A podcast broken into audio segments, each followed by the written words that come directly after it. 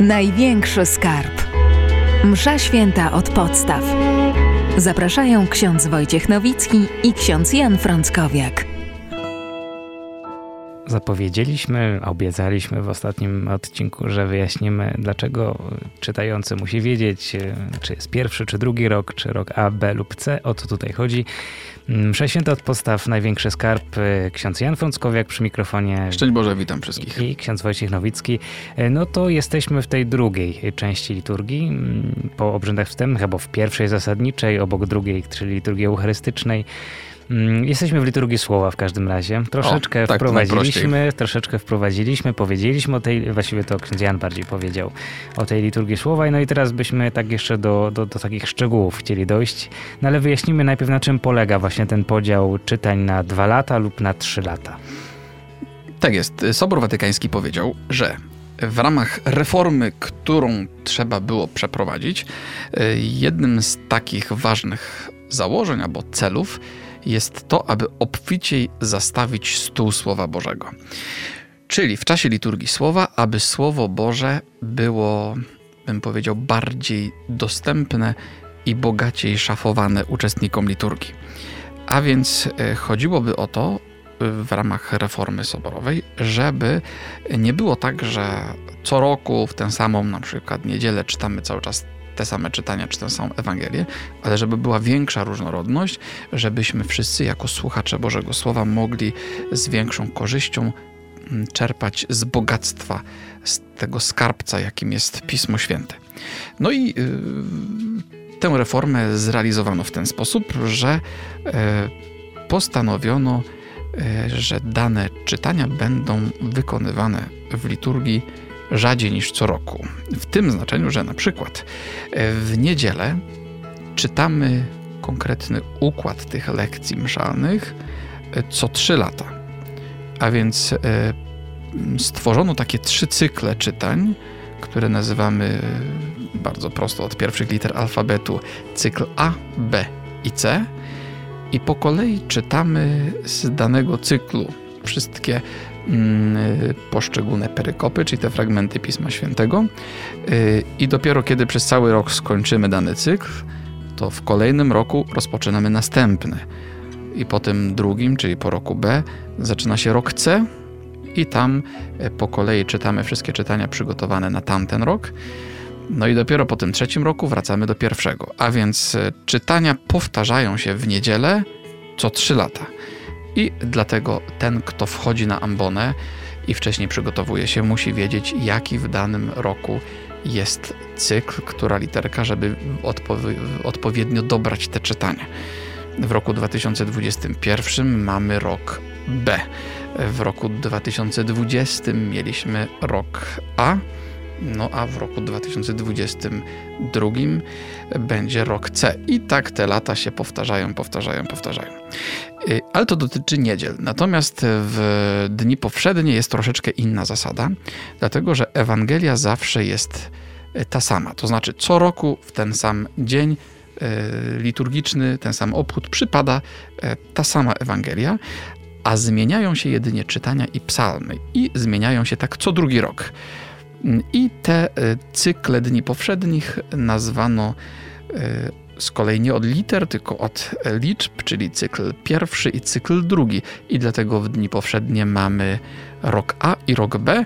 Y, I dlatego też właśnie tak bogactwo Słowa Bożego dotyczy też dni powszednich. Y, kiedy ktoś wchodzi na ambonę i ma odczytać Boże Słowo i oczywiście wcześniej się przygotowuje i zastanawia się, który rok mamy, czy który cykl w danym roku, to najprościej powiedzieć, że w latach nieparzystych jest cykl pierwszy, w latach parzystych jest cykl drugi. Tak, to takie trochę techniczne rzeczy, może nieco zawiłe, ale ci, którzy z naszych słuchaczy mają okazję odczytywać we wspólnocie, w zgromadzeniu liturgicznym e, Boże Słowo, to już na pewno wiedzą o co chodzi. A ci, którzy jeszcze tego nie mają, takich doświadczeń, może kiedyś będą mieli, to dobrze, żeby usłyszeli o, właśnie tych naszych y, cyklach y, czytań.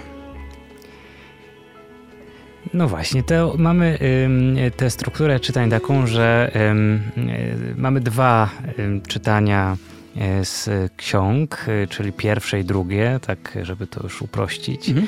No i pomiędzy nimi jest psalm, który jak już mówiłeś jest responsoryjny, czyli jest, e, znaczy to, że jest coś przez nas powtarzane właśnie na zasadzie responsorium.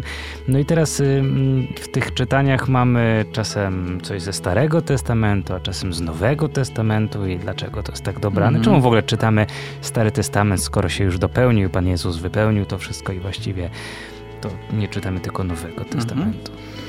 Tak jest. No właśnie, Pan Bóg przychodzi do nas e, zarówno w Starym, jak i w Nowym Testamencie, ponieważ jest to zapis Jego działania e, i Bóg objawił się e, właściwie w całej tej historii biblijnej.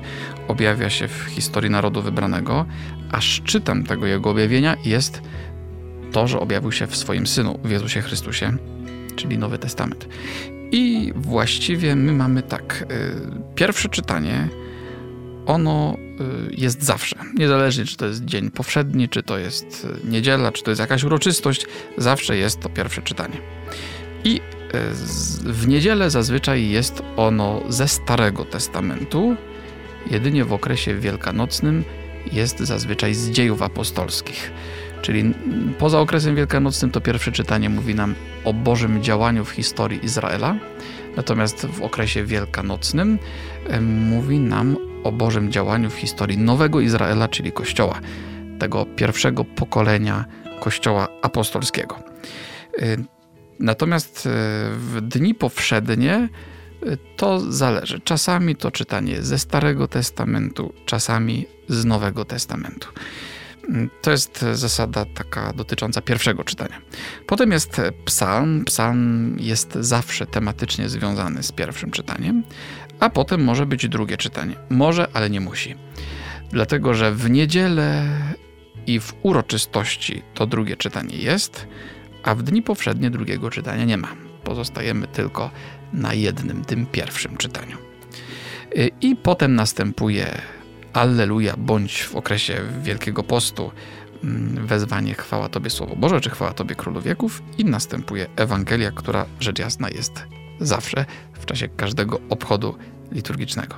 Czy możemy powiedzieć, że Ewangelia jest takim kulminacyjnym momentem tej liturgii słowa, że jakby do niej zmierzamy? Tak jest. Możemy powiedzieć, że zmierzamy do niej i od przodu, i od tyłu. To znaczy, yy, zmierzamy do niej że tak powiem, od e, czasów Starego Testamentu i dlatego czytamy wcześniej Stary Testament. I to jest przygotowanie. Ewangelia jest wypełnieniem wszystkiego, co było w Starym Testamencie. Dlatego możemy powiedzieć, że tak właśnie od historii dochodzimy do tej Ewangelii, a z drugiej strony dochodzimy też do Ewangelii, że tak powiem, od tyłu, bo czytamy też Nowy Testament, te wszystkie listy, dzieje i apokalipsę. Y, które opowiadają nam o tym, jak ta Ewangelia już działa w Kościele, zwłaszcza w tym pierwszym pokoleniu, ale tak naprawdę jest to też lekcja dla nas wszystkich i ona ma nam pomóc też doświadczać mocy tej Ewangelii, także w naszym życiu. Więc rzeczywiście szczytem jest, szczytem głoszenia jest Ewangelia, o czym jeszcze troszeczkę potem y, powiemy, mówiąc o pewnych gestach i znakach, które pomagają nam to w liturgii przeżyć. Ja właśnie chciałem powiedzieć, że to, że to jest ośrodkiem, to na przykład świadczy to, że właśnie na Ewangelię wstajemy, a wcześniej przecież y, siedzimy na czytaniach. Ale to jeszcze powiemy troszeczkę, żeby tu nie zamieszać w kolejności. Inne ciekawe zwyczaje. No dobrze, no to, to... To stary może testament, powiemy sobie chwilę, dlaczego my w ogóle to czytamy. Bo to może kogoś właśnie interesować. Co mają te stare opowieści do naszego życia? Czy to tylko odczytujemy jako zapis wydarzeń minionych, czy mm, tak jak książki historyczne lub pamiętniki się czyta? Mhm. Y, no właśnie. Y, otóż y, bardzo mi się podoba takie zdanie świętego Hieronima. Taka myśl. Hieronim żył w IV-V wieku, umiera 420 rok. Mm, to jest chyba największy ekspert od Pisma Świętego w historii Kościoła, ponieważ sam osobiście przetłumaczył całe Pismo Święte na łacinę. I on mówi tak, że kiedy obcujemy z Eucharystią, i upada okruszyna, no to czujemy się zagubieni i chcemy, żeby no, no żadna okruszyna nie uronić żadnej. Ale mówi Hieronim, kiedy zaś słuchamy Bożego Słowa i do naszych uszu przenika Słowo Boże, to my myślimy o czym innym. na jakieś wielkie wtedy niebezpieczeństwo się narażamy. Hieronim mówił, że trzeba troszeczkę mieć taką postawę, jakbyśmy trzymali w ręku hostię. Nie chcemy, żeby najdrobniejsza kruszyna spadła na ziemię.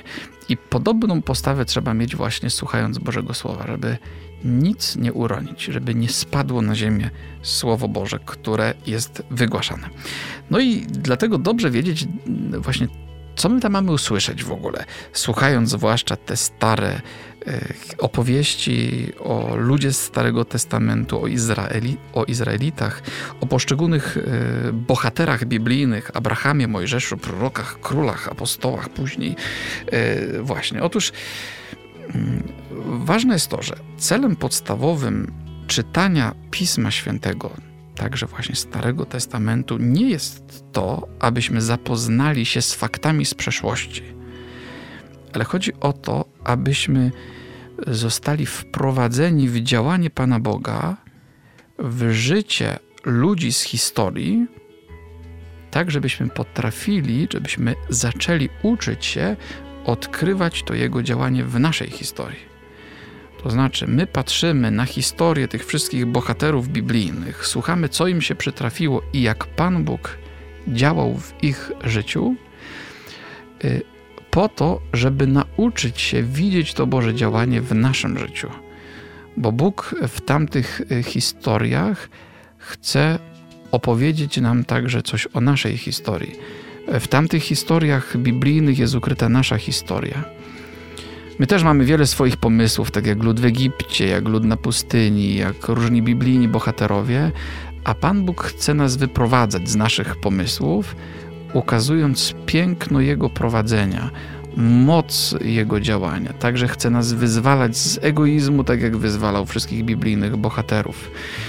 Bóg wypowiedział przed tysiącami lat wspaniałe obietnice, i kiedy czytamy to Pismo Święte z wiarą, to odkrywamy, że Bóg tę obietnicę składa także nam. A po co je składa? Po to, że chce je wypełnić. Y, widzimy w czytaniach od Starego Testamentu Boga, który angażuje się w historię człowieka, i to jest też znak, że Bóg angażuje się też w naszą historię. Nie tylko ludzi Biblii, ale w dzisiejszych ludzi wiary też. Poza tym całe, całe Pismo Święte jest y, historią miłości Boga i historią niewierności człowieka, ale równocześnie opowieścią o tym, że Bóg się tą niewiernością nie zniechęca. Y, czyli to jest tak naprawdę historia też o nas, którzy jesteśmy ukochani przez Boga, a równocześnie jesteśmy niewierni temu Bogu bardzo często, a mimo to Bóg się tą naszą niewiernością w ogóle nie zniechęca. Przepiękna sprawa. Poza tym w Starym Testamencie y, pojawia się mnóstwo y, takich przepięknych, chociaż czasami tajemniczych, y, zapowiedzi, które pomagają nam zrozumieć Nowy Testament. Y, na początku te wypowiedzi były jakieś niejasne, ale wyjaśniają się przepięknie w Nowym Testamencie. Y, święty Augustyn powiedział, że Nowy Testament jest ukryty w Starym, a Stary się wyjaśnia w Nowym. Bardzo taka ciekawa myśl. Yy, tak. Czytamy też w tych księgach ze Starego Testamentu teksty proroków. I tu może warto sobie tak doprecyzować, kto to jest ten prorok, bo nam czasami prorok to się kojarzy tak z jakimś wróżbitą czy jasnowidzem, jako przepowiadacza przyszłości. Wyprorokował coś ktoś, no czyli zgadł, co będzie w przyszłości. Ale to nie są prorocy biblijni. Chociaż prorocy biblijni czasami też przepowiedzieli przyszłość. Ale prorok w Biblii to jest człowiek, który mówi w imieniu Boga. Mówi o tym, jak Bóg kocha człowieka, jak Bóg się o człowieka troszczy, jak mu na nim zależy, ale też czego Bóg oczekuje.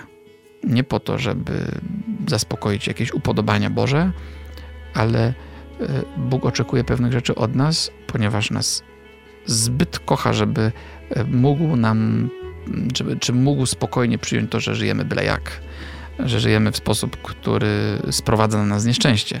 Dlatego Bóg przez proroku właśnie mówi, jak należy żyć, e, odkrywa przed człowiekiem prawdziwą drogę do szczęścia, no bo Bóg lepiej tę drogę wyraźniej widzi. Przed nami ona czasami jest zakryta. Dlatego prorocy to byli ludzie właśnie, którzy mówili w imieniu Boga, ale równocześnie wyzywali często do nawrócenia. Niejednokrotnie prorocy musieli być, mówiąc takim dzisiejszym naszym językiem, niepoprawni politycznie. Dlatego wielu proroków zginęło, a wszyscy właściwie wycierpieli i to poważnie musieli cierpieć. Mm, no właśnie, i prorok to jest ktoś taki, i my tego proroka słuchamy i możemy mieć pewność, że ten prorok prorokował, czyli mówił w imieniu Boga do tych ludzi tam 2,5 tysiąca lat temu, ale on mówi, czy Bóg przez niego mówi cały czas e, do nas. Tak, to jest myślę ważna rzecz dotycząca tych wszystkich starych czy starotestamentalnych czytań. Czyli trochę jak z systemem operacyjnym, że to się aktualizuje do naszej rzeczywistości. Mhm. Trochę tak można powiedzieć.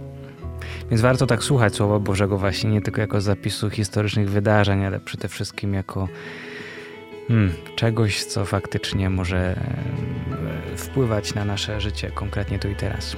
Mhm. Tak, no i po czytaniu tym pierwszym, właśnie niejednokrotnie ze Starego, ale mówiliśmy, że czasami też z Nowego Testamentu, y, mamy psalm. Y, tu może jeszcze, zanim do psalmu, to tak y, warto powiedzieć sobie, co to jest ten testament. Dlatego, że my oczywiście pewnie wszyscy wiemy bardzo dobrze, że Pismo Święte składa się ze Starego Testamentu i z Nowego Testamentu i wiadomo, że ten Stary Testament to, to jest to, to co było dawniej, a ten Nowy to, co było później. Ale samo słowo testament z łaciny to oznacza przymierze. Y, czyli Stary i Nowy Testament to znaczy Stare i Nowe Przymierze. Stare Przymierze to jest to przymierze, które Bóg zawarł z narodem wybranym, a Nowe Przymierze to jest to przymierze, które zawarł Chrystus na krzyżu.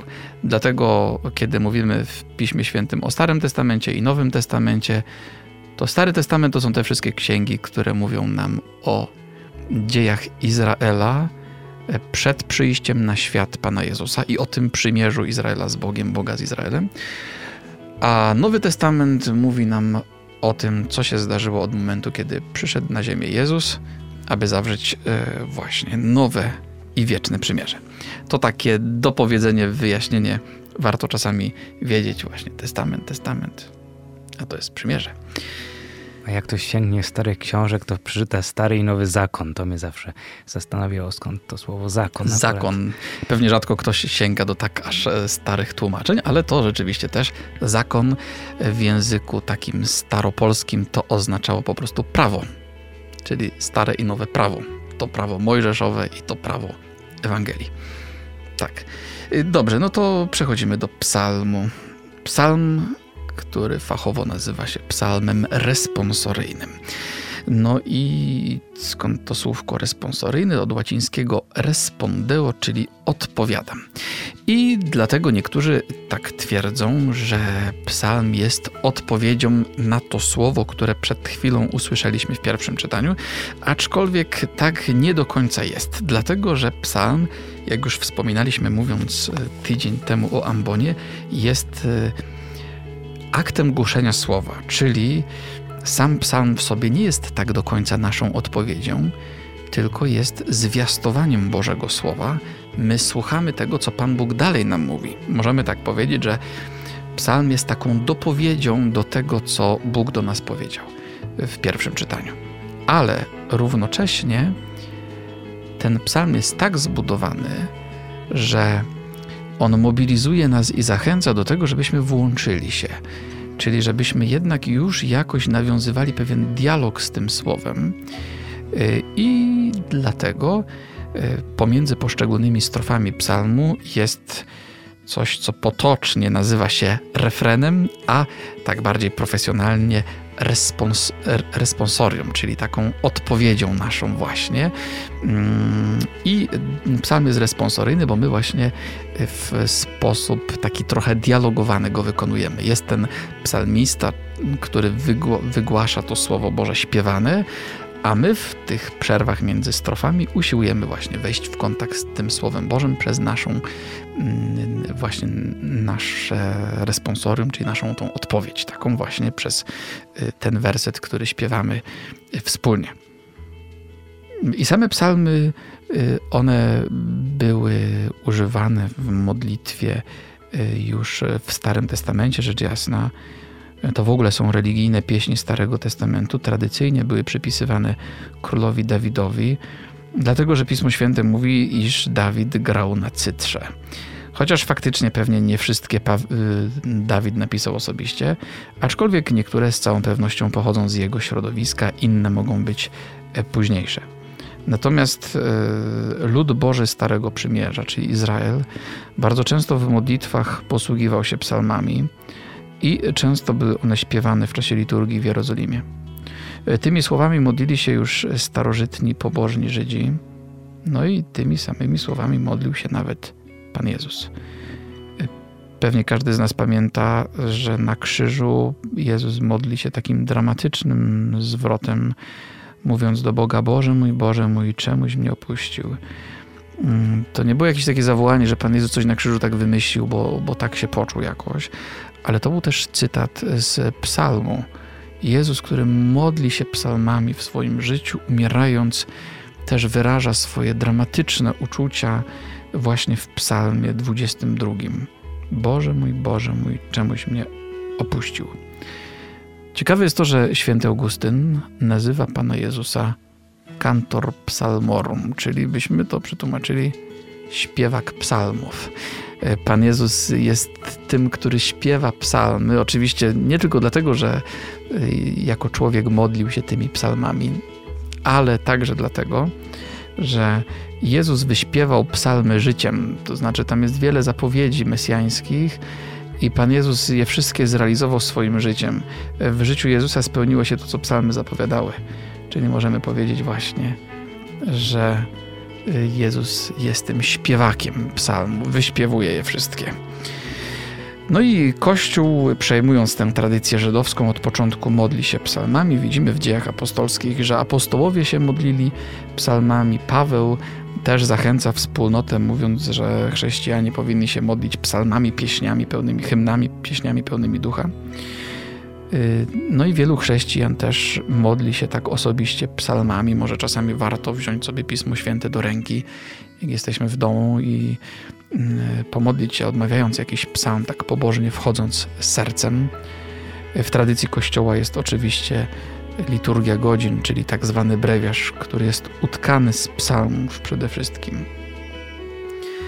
E, tak, natomiast psalm właśnie mm, pozwala nam nawiązać dialog już ze Słowem Bożym, chociaż jest dalej zwiastowaniem tego słowa, ale równocześnie to jest bardzo ciekawa rzecz, że kiedy e, słuchamy tego psalmu i zaczynamy już odpowiadać na ten psalm, to w nasze usta Bóg wkłada swoje własne słowa i one wychodzą z naszych ust już jako nasza modlitwa. Y, to niektórzy tak trochę to tak porównują do tego, jak czasami uczymy małe dzieci mówić że my mówimy jakieś słówko i mówimy, no powtórz, powtórz teraz mama, nie? no i co, dzieciątko tam za którymś razem powie, mama, o jak pięknie już umie coś powiedzieć. I trochę tak właśnie w czasie liturgii Pan Bóg robi z nami, że on wkłada w nasze usta swoje własne słowa, czyli to Słowo Boże inspiruje nas do modlitwy i my tak to powtarzamy i to zaczyna być naszą modlitwą. Y, święty Augustyn, mój ulubiony święty, y, mówi: Bóg wielbi siebie we wspólnocie własnymi słowami. Przepiękne, prawda? Poza tym widzimy, że liturgia to nie jest monolog, ale to jest dialog. Tak jest. O tych psalmach można by jeszcze bardzo dużo mówić, ale yy, musimy pójść dalej. Może zrobimy kiedyś osobną audycję o psalmach w ogóle.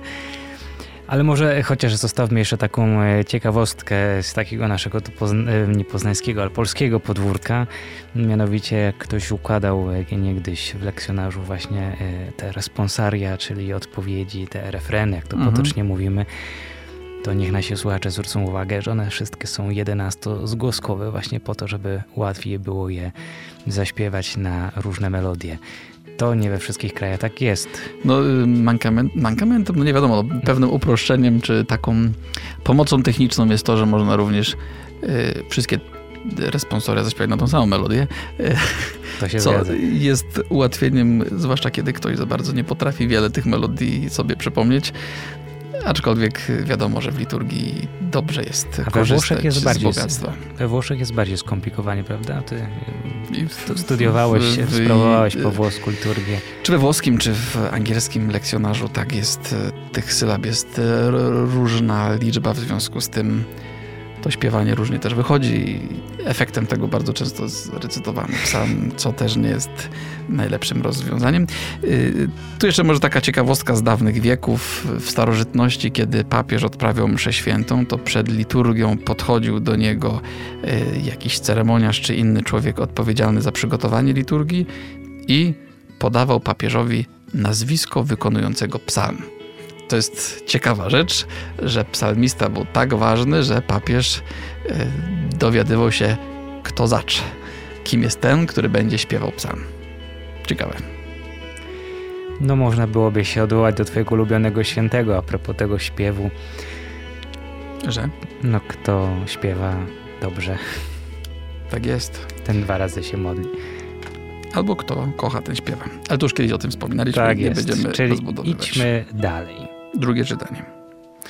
Drugie czytanie, tak jak już wspomniałem, y, jest w niedzielę uroczystości i zawsze jest z Nowego Testamentu. Y, w święta już y, tego drugiego czytania nie ma. Święto jest tak potocznie świętem nazywamy wszystko, co jest takie uroczyste, ale w kalendarzu liturgicznym święto jest obchodem, który jest troszeczkę bardziej, no zdecydowanie bardziej uroczysty niż taki dzień powszedni, ale nie jest to jeszcze uroczystość, czyli nie ma takiej najwyższej rangi. Dlatego może nasi słuchacze zauważyli, że w tak zwane drugie święto Bożego Narodzenia albo drugie święto Wielkanocy jest tylko jedno czytanie, nie ma tego drugiego. Dlaczego? No bo ten dzień już nie ma rangi uroczystości, tylko ma ciut niższą rangę, dlatego też widzimy to właśnie w czytaniach.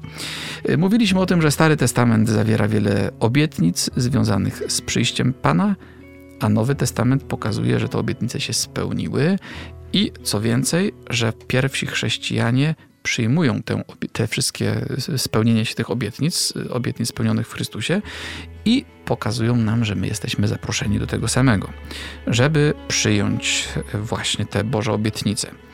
Teksty Nowego Testamentu, gdzie powstały? Tu może kogoś zdziwię, ale pewnie jak pomyślimy, to zrozumiemy, że no w sumie tak jest. Bo Nowy Testament powstawał w pierwszej wspólnocie chrześcijan. Kiedy wiemy, że za autorstwem biblijnym Nowego Testamentu stoją przecież apostołowie, no to właśnie to te teksty powstawały w pierwszym kościele, pierwotnym kościele. I one też w jakiś sposób odzwierciedlają życie tego kościoła. Więc my od razu widzimy, jak ten pierwotny kościół, to pierwsze pokolenie, jak oni przeżywali treści dobrej nowiny. No i to jest też bardzo inspirujące dla nas. Skoro oni byli tacy gorliwi, tacy tak żywotnie y, doświadczali obecności zmartwychwstałego, no to my jesteśmy zaproszeni do, dokładnie do tego samego.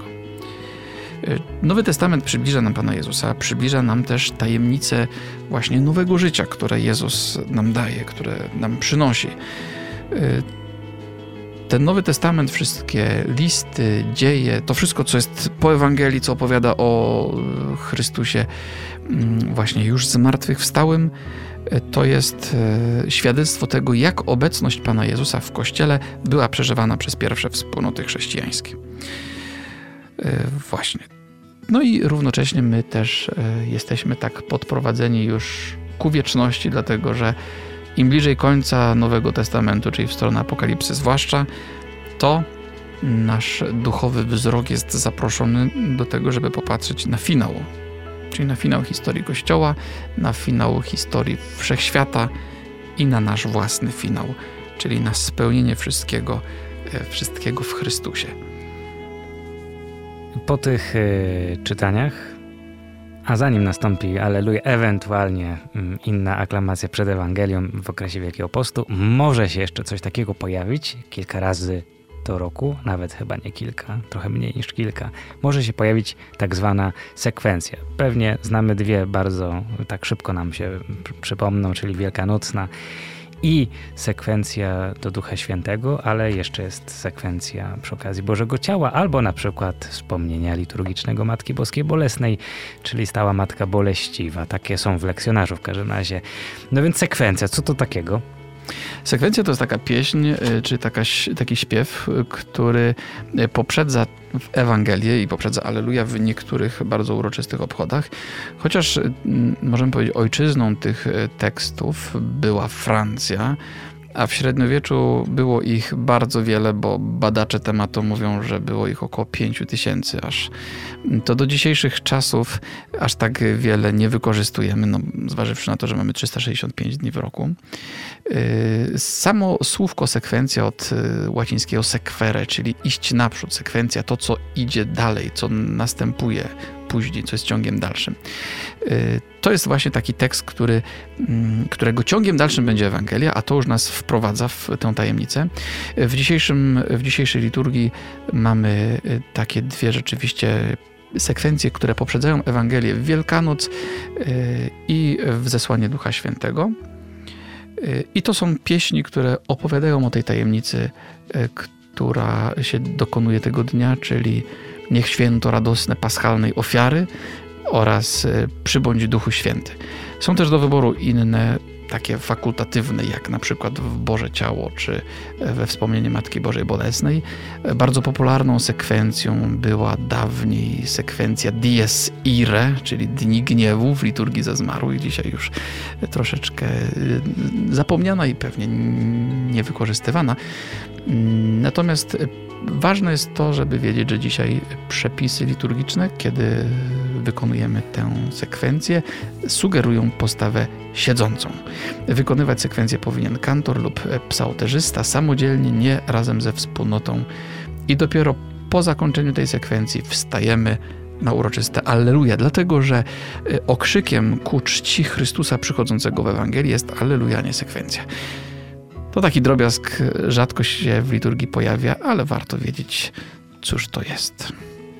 A w następnym odcinku powiemy o Ewangelii, czyli tym kulminacyjnym momencie liturgii słowa, a potem myślę, że jeszcze w przyszłym odcinku, jak nie, to w następnych na pewno o wyznaniu wiary i modlitwie powszechnej, która tę część liturgii zwieńczy. Wieńczy.